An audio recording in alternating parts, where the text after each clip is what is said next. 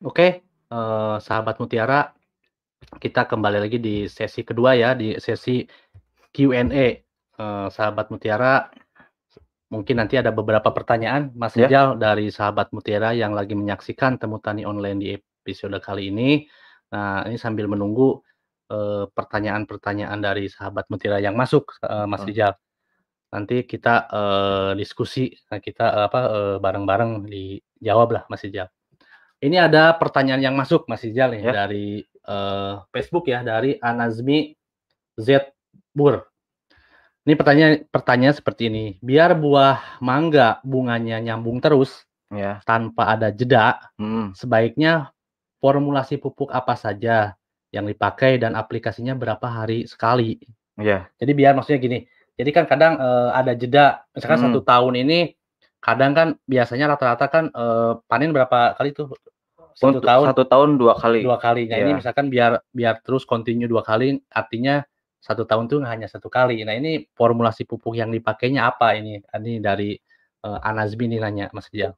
Untuk sebenarnya kalau, eee, untuk terus-menerus pun nggak bisa ya. Pohon Mhm. mangga ini juga kan butuh setelah menghasilkan buah juga dia kan butuh istirahat, membentuk tunas baru ya. Mmm. Itu pun kalau mangga yang 1 tahun 2 kali itu pun udah dipaksa, kasihan ini diminta terus-menerus gitu ya. Oke. Heeh. Tapi untuk pemupukan sebaiknya untuk pohon mangga itu, itu setahun 4 kali. Mhm. 4 kali ya. Mhm. Waktu, eee, setelah panen, Mhm. fase, eee, pembungaan, menjelang pembungaan, Oke. kedua ketiga fase pembentukan buah, Mhm. dan keempat fase pembesaran buah. Oke, jadi 1 tahun itu 4 kali. 4 kali, artinya Iya. interval 3 bulan Sekali, sekali. betul. Nah, itu jadi sahabat eee, tadi sahabat mutiara yang tanya, jadi konsepnya sebenarnya simpel, jadi 1 tahun 4 kali pemupukan di setiap interval 3, eee, bulan sekali. Dan Betul. tentu mungkin dilihat dari fase pertumbuhan tanamannya. Nah, selanjutnya untuk pupuk yang dipakainya itu tanya apa itu Mas Rijal pupuknya? Untuk awal kita Nah. pas, eee, setelah panen itu bisa menggunakan NPK Sprinter atau NPK Mutiara 16 Oke. dengan Karate Plus Boroni. oke. Nah, setelah itu bisa memakai NPK Grower dan Mhm. Karate Plus Boroni. Pas pembentuk eee, pembesaran buah juga NPK Grower dan Karate Plus Boroni. Mhm. Pas pembesaran buah pun sama NPK Grower dan Karate Plus Boroni. Jadi Mhm. fase pembentukan eh, setelah panen itu hanya NPK 16 atau NPK Sprinter nih ya, plus Karate Plus Boroni. Setelah itu NPK Grower dan Karate Plus Boroni. Dan apabila ingin sahabat mutiara ingin ha mangganya lebih berkualitas lagi nih dari, Mhm. eee, misal rasa dan warna bisa tambahkan subur kalibutir Mhm. dan, eee, Merauke SOP. Oke. Oke, itu, eee, Ibu Anazmi, eee, Z Zpur, eh, Bapak mungkin ya, Bapak Anazmi Zpur. Jadi memang tadi sudah dijawab pemupuk pemupukan yang yang rutin lah intinya ya, Mhm. biar tidak ada jeda untuk Jeda. pembuahan, seperti itu. Selanjutnya dari Khoeri Muhammad. Nah, ini buah pentilnya sering rontok. Betul. Biar nggak rontok, pakai pupuk dari Merauke apa ya? Eee, dari Sukoharjo, Lampung ini, ini Iya. dari dari Lampung nanya. Jadi biar bunganya tidak Rontok. rontok, Mas Rijal? Untuk bunga rontok itu biasanya kalau saya temukan di petani itu biasanya terjadi pas musim hujan nih, pas Mmm. dia berbuah bunga, tapi Mmm. pas musim hujan, Mhm. itu sering sekali terjadi Iya. kerontokan. Sebenarnya antisipasi kita itu ada dengan memperkuat kalsium, Mhm. penggunaan kalsium, pemberian kalsium pada tanaman. Karena fungsi kalsium itu sendiri adalah memperkuat dinding sel, Mmm. eee, sehingga tanaman lebih, eee, kuat dari cuaca ekstrim lah, sehingga gampang rontok untuk bunganya itu bisa menggunakan eee, Bapak bisa menggunakan Karate Plus Boroni untuk pemupukan dari bawahnya ditabur. Nah, untuk penyemprotannya Bapak bisa menggunakan Merauke Kalnit. Oke. Heeh. Dicampur dengan NKP pun tidak apa-apa. Mhm. Oh gitu, oke. Jadi ya memang sahabat mutiara rontok pada rontok itu salah satunya memang, eee, banyak faktor penyebab. Mmm. Kalau memang cuaca ketika pem buah mangga itu misalkan lagi ada pembungaan, keluar bunga turun Iya. hujan, Oh, itu itu itu pasti itu pasti rontok Nah. terjadi. Ya itu memang alamiah ya, karena Iya. memang, ke terkena air hujan, jadi pembungaannya terganggu. Ganggu. Nah, cuman kalau misalkan memang di saat cuaca memang semuanya kondusif, tidak ada, eee, gejala misalkan eee, hujannya tidak terlalu banyak, Mmm. ataupun pas musim kemarau itu kan biasanya pembungaan musim kemarau ya, Betul. tapi rontok bunganya rontok itu pasti salah satunya adalah karena memang, eee, apa, asupan kalsium uh, untuk uh, apa untuk tanamannya memang perlu dicukupi. Cukupi. Ya ini kalsium ini kan memang betul uh, apa yang disampaikan saudara uh, Mas Rijal ini. Jadi dia bisa meminimalisir, meminimalisir loh maksudnya ya Mas Ya. Rijal itu berapa persen? Karena memang kalau toh semuanya rontok itu Rontok pasti secara alamiah, alami. alamiah itu pasti ada kan. Cuma ini Betul. bisa meminimalisir rontoknya tidak terlalu banyak lah Ya. seperti itu Mas Rijal. Dan saya menambahkan untuk kalsium itu sendiri sebaiknya menggunakan kalsium yang diserap tanaman. Sekarang saya lihat kebanyakan Mhm. petani itu menggunakan kalsium itu kalsiumnya Mhm. ada yang lah kalsium yang ini ya yang yang seharusnya bukan untuk tanaman gitu. Oke, ya. Nah, sebaiknya eh, untuk pet- para sahabat mutiara menggunakan kalsium yang sumbernya kalsium nitrat yang Ya. bisa diserap oleh tanaman. kalsium ya jadi ya saya eh, saya tambahkan juga jadi memang kalsium yang memang kalsium larut air dan biasanya sumbernya kalsium oksida masih Betul. kalsium ya kalsium oksida itu ya oke eh, masih ada yang masuk sambil nunggu ini belum ada yang masuk juga eh, pertanyaannya oh ada nih ini dari channel YouTube ya dari MH channel di negara penghasil mangga seperti Filipina untuk induksi pembungaan pupuk kalsium nitrat apa kalsium nitrat dan kalium nitrat kerap dipakai. Nah, apakah di In- Indramayu juga biasa dipakai, Pak? Bagaimana aplikasinya? Jadi ini untuk untuk ini Mas Rizal untuk Ya. eh, supaya pembungaannya cepat. Ya. Ya untuk katanya eh, kasa Mas eh, apa MH ini biasanya pakai kalsium nitrat Ya. dan kalium nitrat. Nah, untuk di Indramayu sendiri pakai ya seperti itu. Eh, kebanyakan ada petani pakai Hmm. dan untuk kalsium atas nama kalsium petani pakai. Mhm. Tapi masih ada juga petani yang menggunakan kalsium tidak eh, sesuai dengan banyakkan Oh. kalsium yang tidak un- untuk tanaman yang Ah. tidak diserap tanaman Berarti gitu. intinya di Indramayu pun memang Ada- rata-rata memakai kalsium. kalsium ya. Heeh. kalsium untuk eh, merangsang atau ya merangsang pembungaan betul. pembungaan. Oke.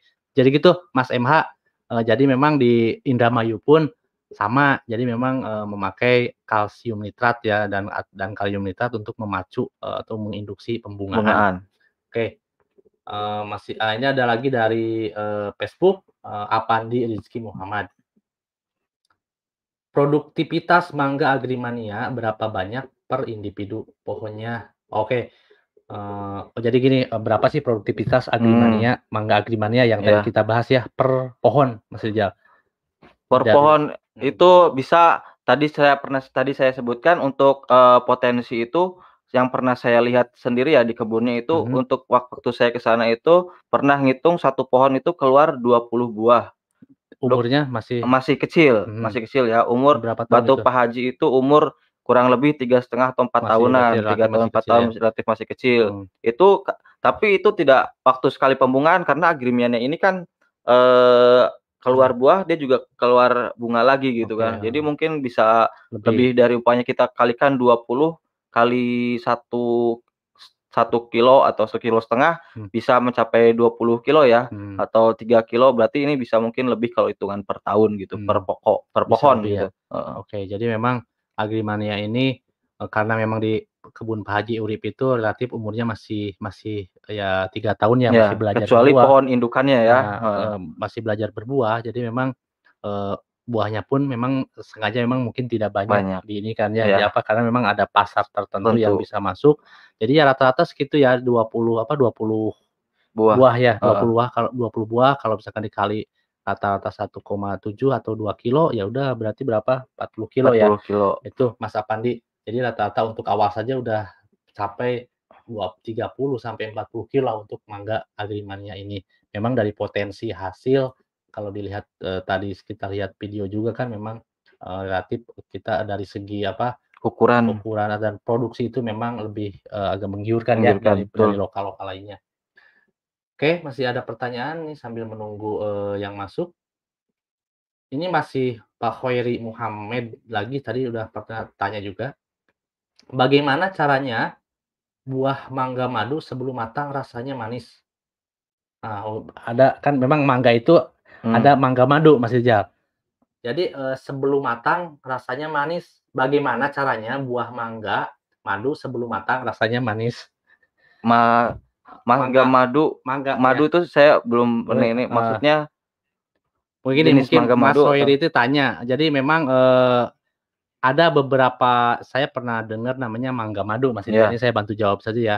Jadi mangga madu itu, eee, memang dari dari, eee, apa, dari Genetiknya. dari genetiknya itu memang kalau di di eee, apa, dipanen panen muda pun itu rasanya memang Manis. manis, Iya. ya Pak Pak Khoiri ya. Jadi kalau ditanya bagaimana caranya untuk memaniskan, ya memang itu dari genetik. Nah, karena kan kayak mangga-mangga yang lokal Indramayu saja, itu kan ada yang ketika, eee, masih masih muda itu asam ya, Mas Rizal, Iya. setelah sudah matang itu manis. Tapi ada, kayak misalkan ada mangga yang masih apa, yang yang Mana lagi? si mana Ma aromanis ya, mana lagi itu kan kan dia masih muda pun dia kan manis. manis ya. Nah, untuk mangga madu ini kebetulan, eee, saya pernah tahu, eee, tanamannya tuh pernah pernah ada dan saya pun ada yang pernah tanam dan saya pernah lihat, itu memang ini Mas eee, dari mudanya itu memang sudah manis. Sudah manis. Sudah manis, memang itu dari genetik yang yang dari bawaannya, eee, mangga inilah Mas, seperti itu. Oke, masih ada pertanyaan lagi sambil menunggu, eee, dari Facebook atau dari YouTube? Oke, ini dari Pak Rudi Supriyadi.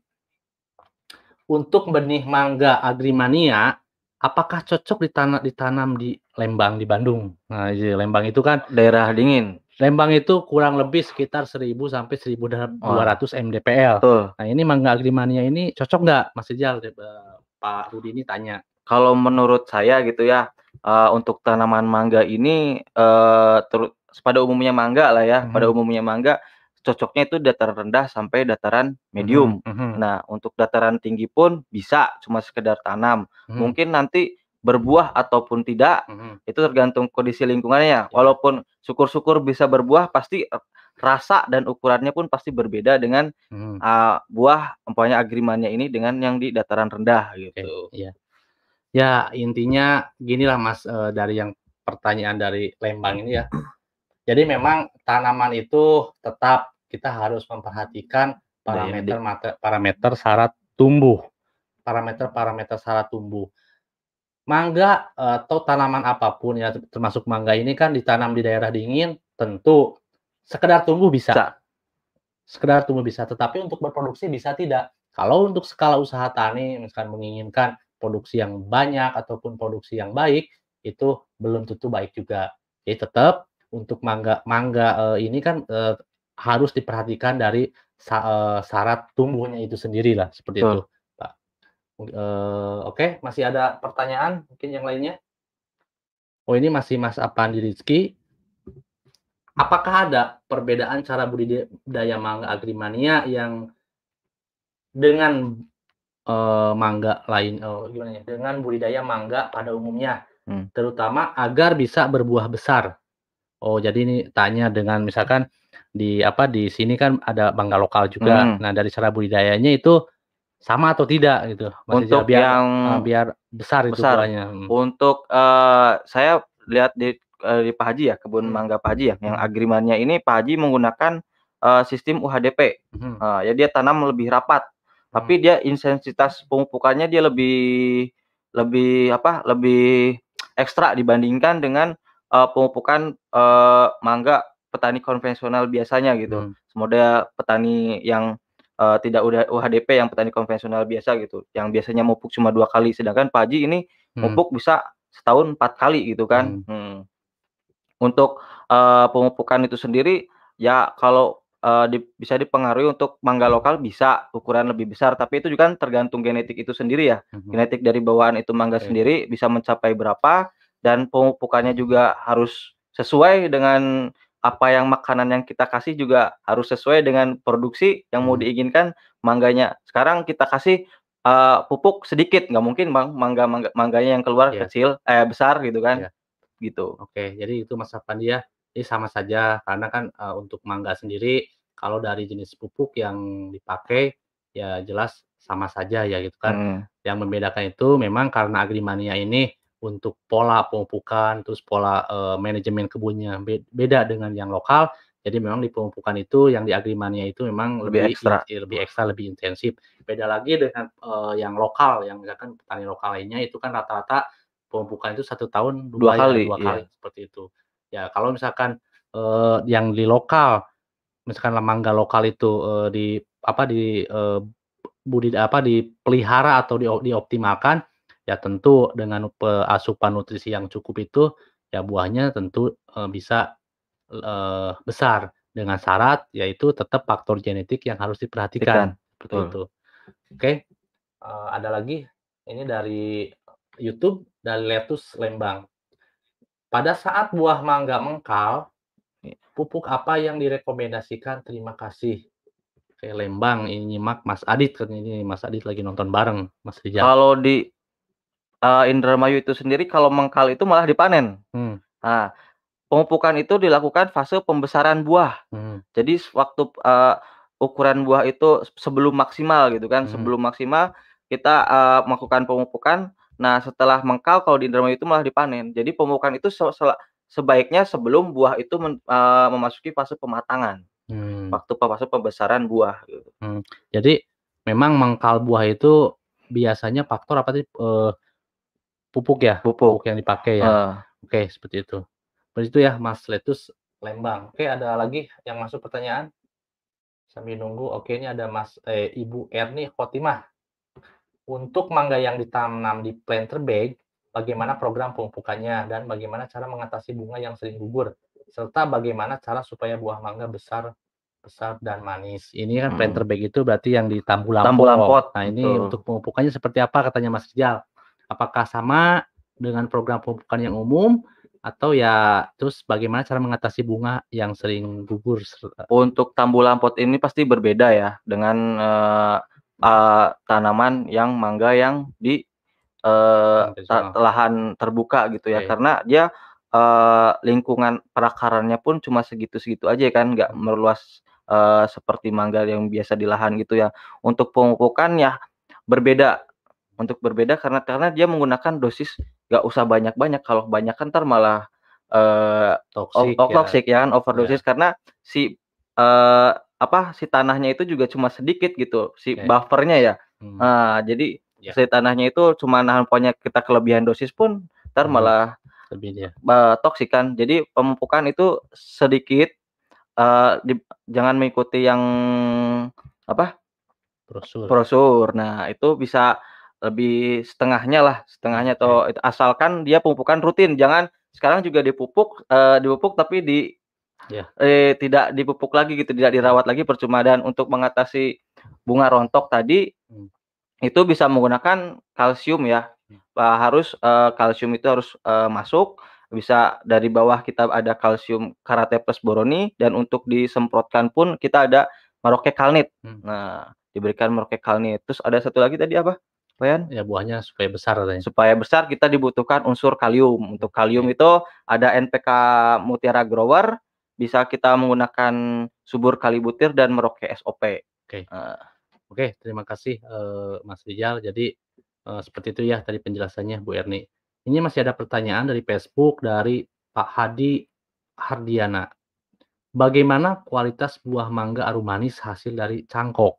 Hmm. Apakah sama persis dengan indukan atau ada perbedaan? Dengan cangkok nih, dari cangkok Hmm. Mas Rijal. Jadi, eee, ada perbedaan nggak dari indukan dengan, eee, apa, ya rasanya lah seperti itu Rijal? Mhm. Kalau ini, eee, boleh dikoreksi ya infonya, kalau saya ini cuma Iya, menurut saya ya. oh nanti Kalau ya.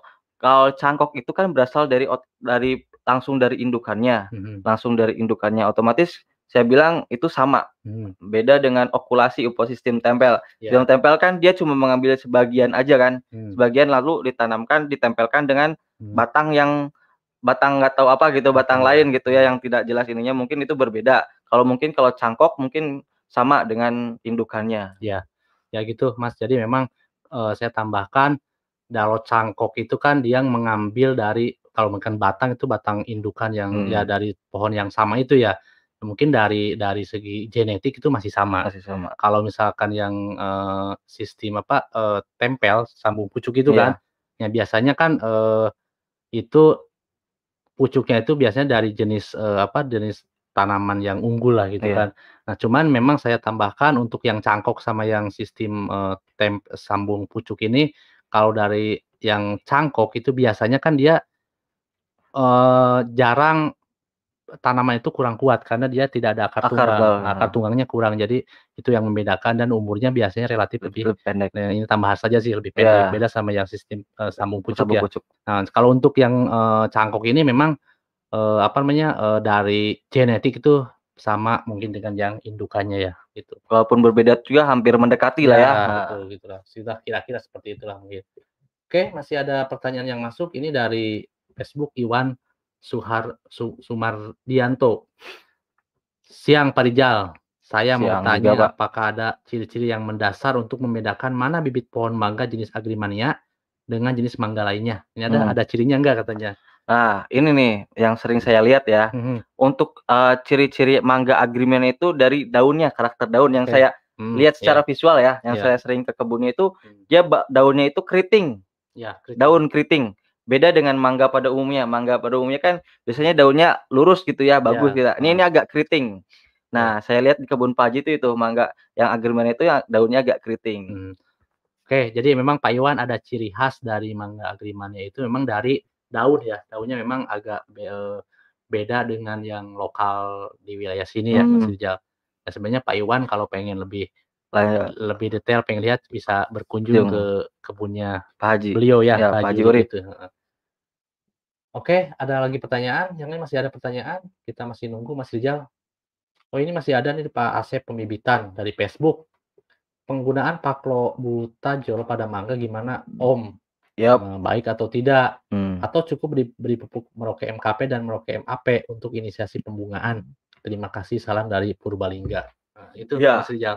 Itu saya sering, Mhm. eee, apa, dapat itu di Iya, lapangan ya. iya, iya. Untuk itu biasanya untuk penggunaan Paclo itu untuk off season biasanya. Jadi heeh. pembuahan di luar Musim. musim. Oke. Nah, biasanya itu pengaruh dengan harga ya. Mhm. Nah, untuk penggunaan Paclo itu sendiri boleh, Mhm. boleh saya bilang boleh ya. Tapi jangan setiap tahun digunakan. Mhm. Seenggaknya 3 tahun lah Mhm. penggunaan Paclo 3 tahun, setelah itu stop dulu, Mmm. istirahat dulu lah. Nah, yang sering saya yang saya yang saya temukan ini yang tanaman yang menggunakan Paclo, Mhm. itu biasanya daunnya gundul, yang Mmm. pucuknya Rusak. rusak. Nah, iya. Nah, Karena itu. dia dipaksa untuk Dipaksa untuk berbuah. ah, berbuah ya, Sedangkan kadang-kadang petani cuma ngasih pakanan pupuk cuma setahun Nah, itu. 2 kali, 1 kali 1 Nah, tahun. oke. Heeh. Terus tadi nanya apakah cukup dengan Merauke MKP atau MAP katanya? Nah, kalau biarkanlah mangga itu berbuah dengan sendirinya ya. alami Nah, ya. untuk tambahan pupuk itu perlu, Mhm, bagus malah. oke. Jadi itu Paclobutajol itu memang kalau misalkan di luar musim itu memang di sini, eee, sering dipakai ya Sering. petani-petani lokal lah itu Hampir karena semua lah. ketika harga lagi bagus itu biasanya langsung itu di apa, di Mhm. dipaksa untuk, Memaksa eee, berbuah. berbuah atau ya untuk berbunga. Cuman ya itu tetap asupan makanan dari bawah itu tetap harus stabil. Stabil. Nah, biasanya kan di sini kadang ada tanaman udah pakai Paclo itu sudah, eee, rusak gitu kan. Kadang itu sebagian ada yang rusak ya, Mas Iya. Rijal. Itu karena memang asupan makanannya sedikit, dia ngambil dari, eee, hara-hara, eee, cadangan dari batang atau daun seperti Iya, itu. betul. Dan biasanya kalau tanaman yang mengun sering yang terlalu overdosis Paclobutajol itu rapuh. Mmm. Sering, eee, kena hama penggerek batang. Ut kalau bahasa sininya uter-uter lah. Mhm, iya. Nah, itu udah parah banget itu.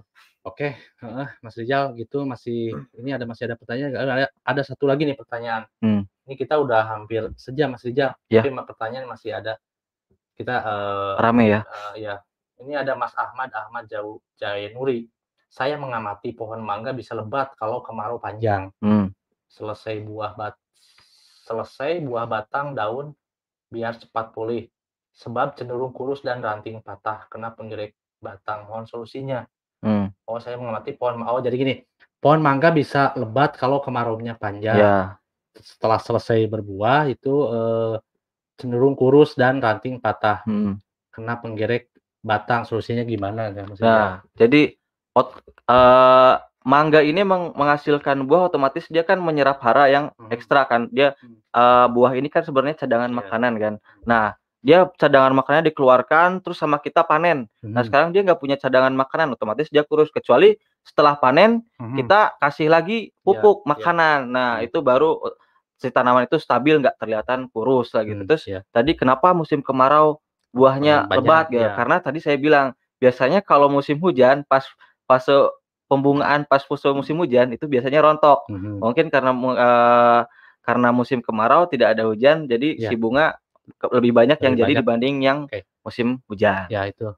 Memang Mas Jainuri ya, eee, untuk tanaman buah itu kalau pas berbunga itu menginginkan musim kemarau supaya jadi buah ya. Iya.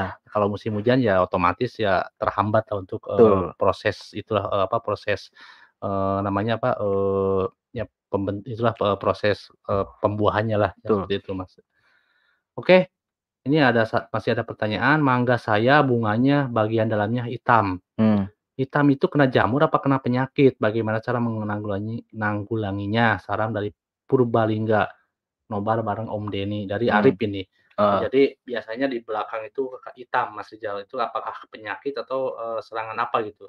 Dan solusinya seperti apa? Kalau hitam itu biasanya penyakit ya. Mhm. Nah, biasanya bisa menggunakan, eee, fungisida. Mhm. Fungisida itu banyaklah fungisida yang ini ya, Mhm. saya nggak nyebut merek lah. Iya. Eee, biasanya bisa menggunakan apa, jenis bahan aktif, eee, aduh saya pengen nyebutin merek, Eee, eee, apa, Mancozeb Oh, gitu iya. atau yang lain bisa menggunakan itu untuk fungisida, itu lebih ke penyakit sih. Mmm. Tapi kalau kita lihat mangga itu hitam, terus ada ulatnya, Mmm. dalamnya itu kan ada, kita lihat mangga nih luarnya bagus nih ya, Mmm. bagus, tapi pas dibelek, dalamnya ada ulatnya nih, Ya. itu karena lalat buah. Iya. Itu Oke. susah Ya. itu. Oke, Mas, jadi memang, eee, kita tidak bisa menerka karena kan memang kita pun, eee, harus harus harus observasi langsung di di Mmm. lapangan ataupun misalnya secara visual tahu ya. Ya ini hanya menerka yang mungkin ini salah satu adalah karena serangan OPT, Betul. terlepas penyakit ataupun karena serangan, eee, hama ya, Iya. Mas Rijal, seperti itu. Oke, masih ada lagi, kita masih menunggu sebelum ya ini kita punya waktu berapa menit lagi nih. Tio Setio, bagaimana nah ini ada nanya pemangkasan yang tepat buat mengoptimalkan buah, buah mangga. Hmm. Bagaimana cara membuahkan mangga di luar musim? Salam dari Wonosobo, ini dengan Denny juga lagi nonton. Heeh. Jadi pemangkasan katanya Mas Rijal yang tepat itu seperti apa untuk untuk mangga ini dan, eee, untuk mengoptimalkan pembuahan di luar musim seperti apa, Mas Untuk Rijal? pemangkasan sebaiknya jangan dilakukan pada huj musim hujan. Mhm. Nah, karena karena fase musim hujan itu biasanya banyak, eee, penyakit, Mmm. serangan Ya penyakit. ini Nah pengalaman di lapangan iya, ya? pengalaman serangan di lapangan, Heeh. eee, serangan penyakit. Otomatis kalau kita pemangkasan kan otomatis tanaman dilukai ya, jadi sel-sel kebuka, otomatis tan eee, gampang si penyakit itu masuk. Oke. Eee, sedangkan untuk tadi apa, di luar musim, Iya. di luar musim itu bisa tadi menggunakan jep eee, zat pengatur tubuh yaitu Paclobutrazol, Iya. tapi tidak saya sarankan di setiap tahun menggunakan Paclobutrazol, salah satu efek sampingnya ya tadi. Iya. Oke, jadi, eee, oke Mas Rijal, jadi saya tambahkan untuk pemangkasan, jadi memang pemangkasan itu kan tujuannya satu biar, eee, pertama tanaman itu tidak terlalu, eee, Rimbun. rimbun ya. Jadi memang biasanya itu cabang-cabang yang tidak produktif yang yang kita pangkas ya. Terus ya memang tujuannya supaya cahaya matahari masuk Masuk, dan, betul. eee, itu bisa, eee, tanaman bisa bisa lebih sehat lah seperti itu kan, Iya. terbebas dari apa, eee, kelembaban bisa dijaga Betul, itu ya. kelembaban bisa jaga. Oke, masih ada pertanyaan. Ini dari dari YouTube ya. Bagus Putra Permadi. Kang Rijal, pada beberapa varietas mangga ketika mendekati masa buahnya pecah atau cracking, Iya. antisipasinya menggunakan apa? Nah, itu Ya, untuk cracking. sa untuk cracking itu otomatis kan sel-sel tanamannya, eee, ini ya, Ya. apa, kekurang lah kurang lah gitu, sel-sel tanamannya kurang kuat. Nah, untuk antisipasinya bisa menggunakan kalsium, eee, dan boron, yaitu untuk pupuk kita ada, eee, Karate plus Boroni. Ya, Nah, oke. kombinasi kalsium dan, eee, boron ini adalah kalsium itu sendiri untuk memperkuat sel-sel tanaman Mhm. dan boron itu untuk elastisitas, Mhm. eee, sel-sel tanaman itu sendiri, sehingga bisa memperkecil resiko adanya cracking dan pecah pada Oke. buah. Oke, Mas Rijal. Eee Oke, eee, Mas Rijal, kita tidak terasa sudah 1 jam. Iya. Nah, ini sebenarnya udah ada, eee, beberapa pertanyaan masih ada, tapi Iya. sahabat mutiara jangan khawatir, untuk pertanyaan-pertanyaan yang belum terjawab nanti kami di sesi, Q&A. khusus ya, kita nanti bisa dijawab ya untuk sahabat mutiara yang pertanyaannya belum terjawab.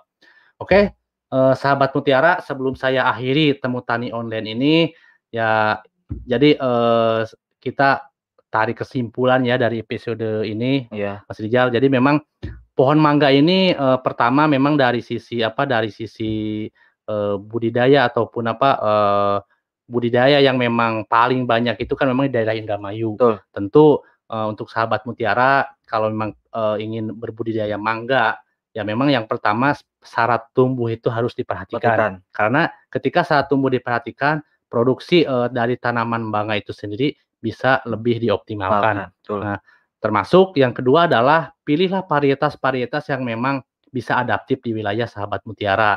Terus yang uh, selain bisa adaptif, dia pun uh, genetiknya pun itu harus benar-benar yang bagus biar unggul. produksinya ada unggul lah gitu ya, ya. biar lebih bisa lebih uh, hasilnya lebih optimal. Optimal. Seperti itu. Seperti itu mungkin uh, dan yang terakhir mungkin tadi uh, nutrisinya kelengkapan nutrisi yang digunakan untuk uh, supaya tanaman mangga bisa berkembang dengan baik pun itu harus diperhatikan. Ya tentu uh, unsur hara peranan unsur hara makro dan mikro itu harus jelas diperhatikan. Oke, sahabat Mutiara, eh, demikian eh, temu tani online pada episode kali ini. Nah, jika eh, temu tani online ini dirasa bermanfaat, silahkan bagikan video ini sebanyak-banyaknya di media sosial Anda supaya menjadi motivasi kami ke depannya untuk memproduksi lebih banyak lagi video edukasi. Ikuti terus kami di media sosial. Ayo follow Maroke Tetap Jaya di Instagram. Nah, kalau uh, terus like Facebook Merauke Tetap Jaya. Nah, bagi Anda yang nonton di YouTube, jangan lupa nih like video ini, subscribe channel NPK Mutiara TV ya dan pentung tanda loncengnya agar sahabat Mutiara tidak ketinggalan video-video edukasi kami yang lainnya. Stay healthy, uh, terus jaga jarak, uh, sampai jumpa uh, dan tunggu terus edisi Temu Tani ini online edisi berikutnya. Salam, Salam Mutiara. Mutiara.